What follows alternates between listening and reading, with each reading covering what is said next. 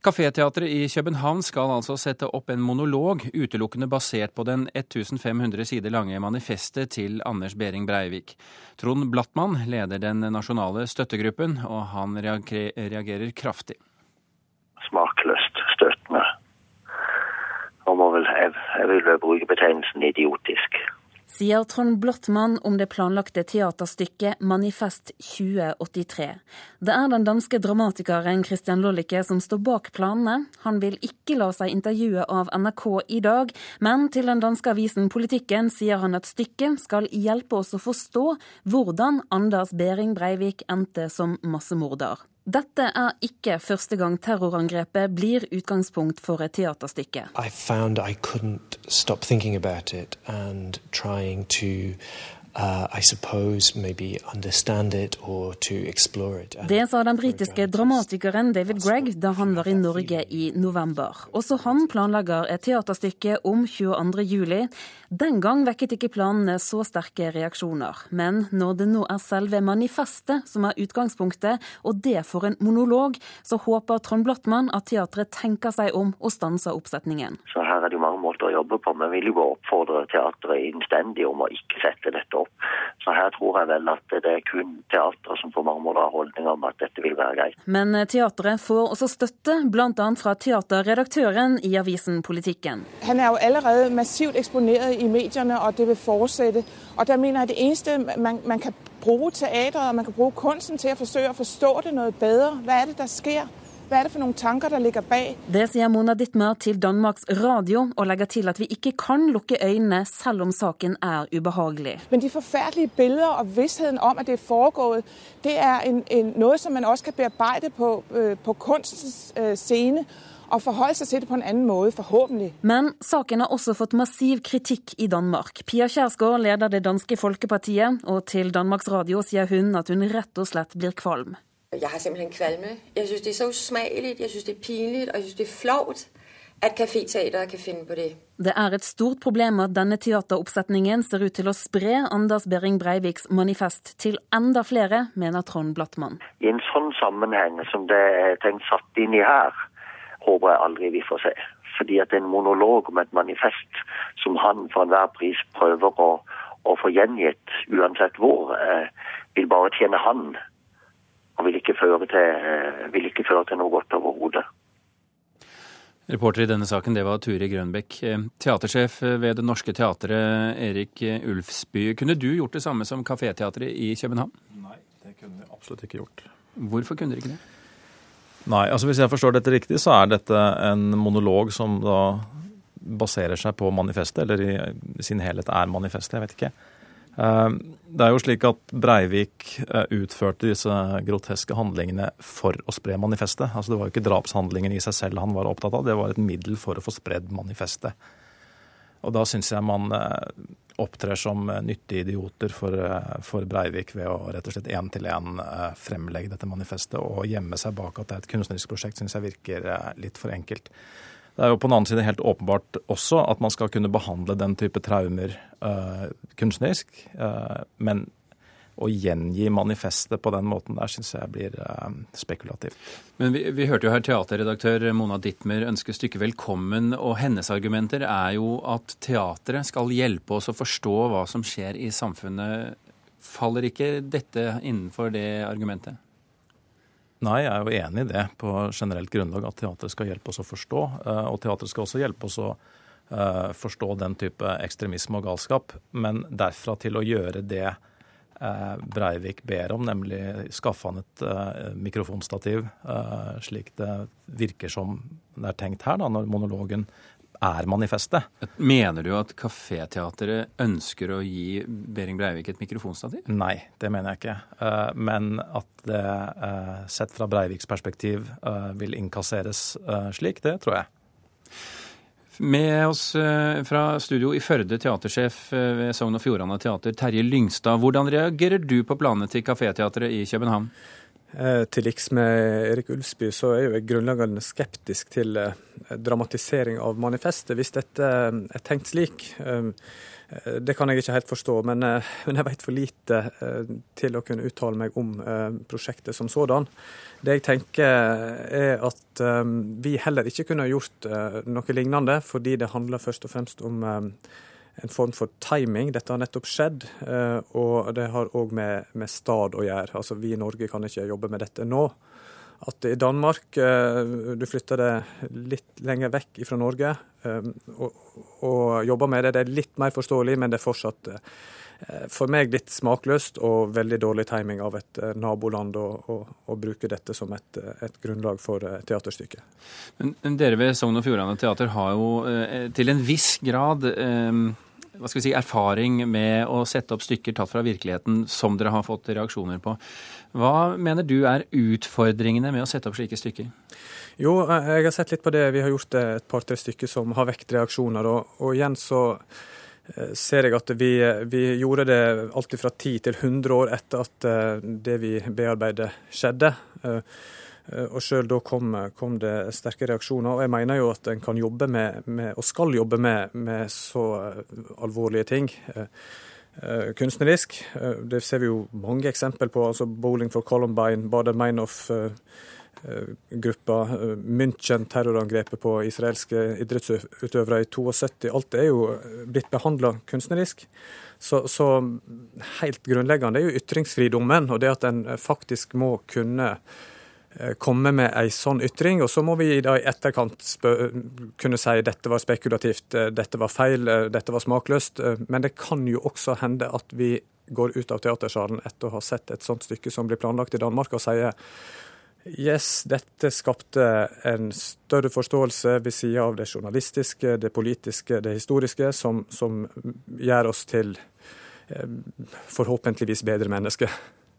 Erik Ulfsby, dere ved Det Norske Teatret valgte jo bl.a. å redigere spilleplanen eh, høsten etter 22.07. Hvilke Hvilken vurdering eh, gjorde dere da? Nei, Det var jo at vi hadde planlagt en stor komisk, bulesk musikal som het Shockheaded Peter, som i seg selv ikke har noe som helst med, med disse handlingene å gjøre i det hele tatt. Men, men, det er jo en forestilling hvor man skal inviteres til å le over uh, at barn blir drept, dør i en komisk kontekst. Da. Altså, som sagt helt ufarlig og lekent i seg selv, men uh, altså hele salen vil jo sitte med andre briller på. Så det, altså, barnekister på en scene i et stort omfang, det, det var ikke mulig for oss å, å ha og gjennomføre eh, høsten 2011. Så da kastet vi om, og så har vi hatt eh, stor suksess med Svein Tindberg sin eh, 'Abrahams barn', som jo har et, eh, et budskap som åpenbart har truffet i forhold til det som Terje Lyngstad snakker om, timingen. da. Men, han, men hvor lang tid, apropos timing, hvor lang tid bør det gå? Det er selvsagt ikke noe fasit på det, men fra en, en sterk hendelse som 22.07. og til at man kan behandle dette på teatrene? Nei, altså jeg, er ikke så sikker på at det behøver å gå så fryktelig lang tid. Ja. Det kan godt hende at tiden for den delen er inne, bare at jeg mener at tiden er ikke inne for Anders Behring Breivik eh, som dramatiker. Altså Det er jo det vi snakker om her. altså Hvis manifestet er monologen, det er jo sånn jeg har forstått det. Basert på, på manifestet, ja. Jeg vet ikke om de skal uh, lese det ordrett. Nei, altså det jeg er blitt bedt om å uttale meg på da politikken ringte meg i går, var at her skulle en skuespiller fremføre Behring Breiviks monolog.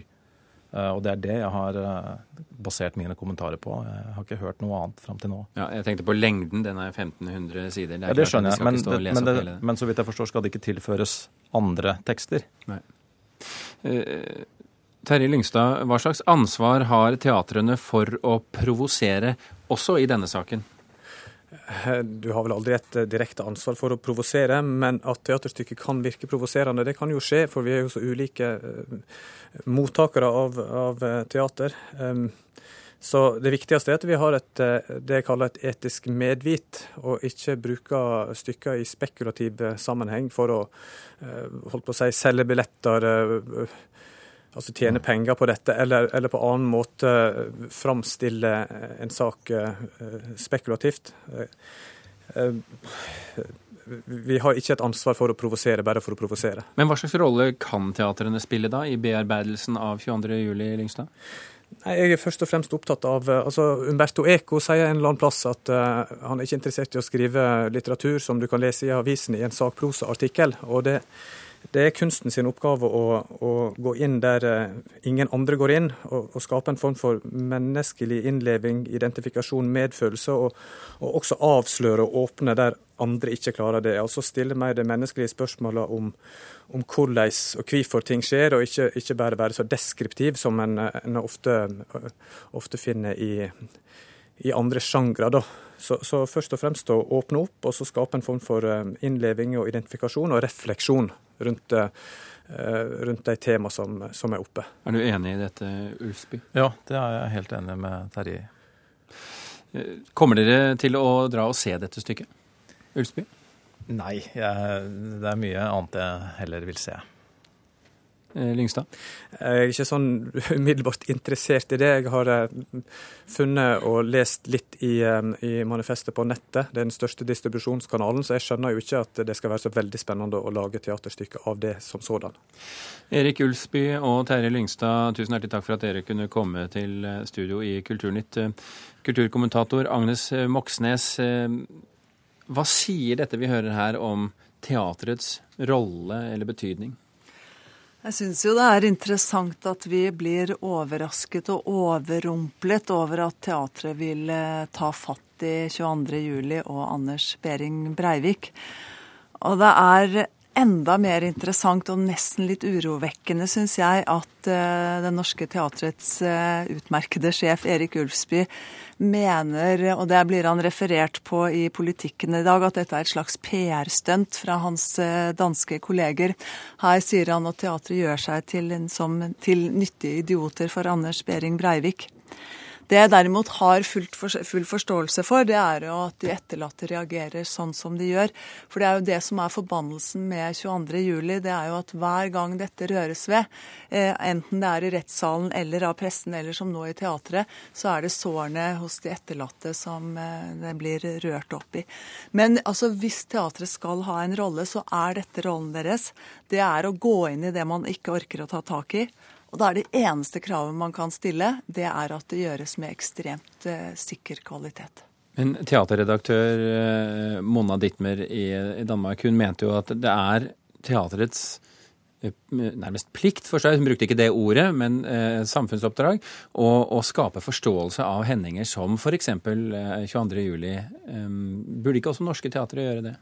Ja, det er jo det jeg sier, at jeg, jeg syns det, det, er overraskende. Men det er jo som Erik Ulsby eh, sier her, at vi vet veldig lite om hvilke tanker eh, Christian Lollicke har gjort seg. Hvis det er slik at man skal sette opp en skuespiller som skal bare lese opp fra manifestet, så er det en ting. Men eh, så vidt jeg skjønner, så er Christian Lollicke en, en, en, instruktør som nyter stor respekt. Så vi får liksom la han komme til orde. Han skal så, ikke uttale seg før nei, senere skal, i kveld, så det er derfor vi ikke har han han sier, ja, høre hva han sier senere i dag. Det kommer selvfølgelig til å være med på å definere hva man syns om dette. Men hva, hvor stor påvirkningskraft har de pårørende eh, i en sak som dette? Eh, altså, Hvis du går tilbake igjen til 11.9.2001 eh, i USA, så fikk de pårørende en veldig definerende rolle. Eh, de sa nei til skulpturer fordi at de, var for, de mente de var for realistiske. De kritiserte veldig sterkt romanen 'Ekstremt høyt og utrolig nært' av eh, Jonathan Safran Foer, eh, fordi de mente at eh, den sammenlignet bombingen av tvillingtårnet med eh, eh, de alliertes bombing av Dresden, og fordi han ikke hadde vært på Ground Zero. Han visste ikke hva det handlet om.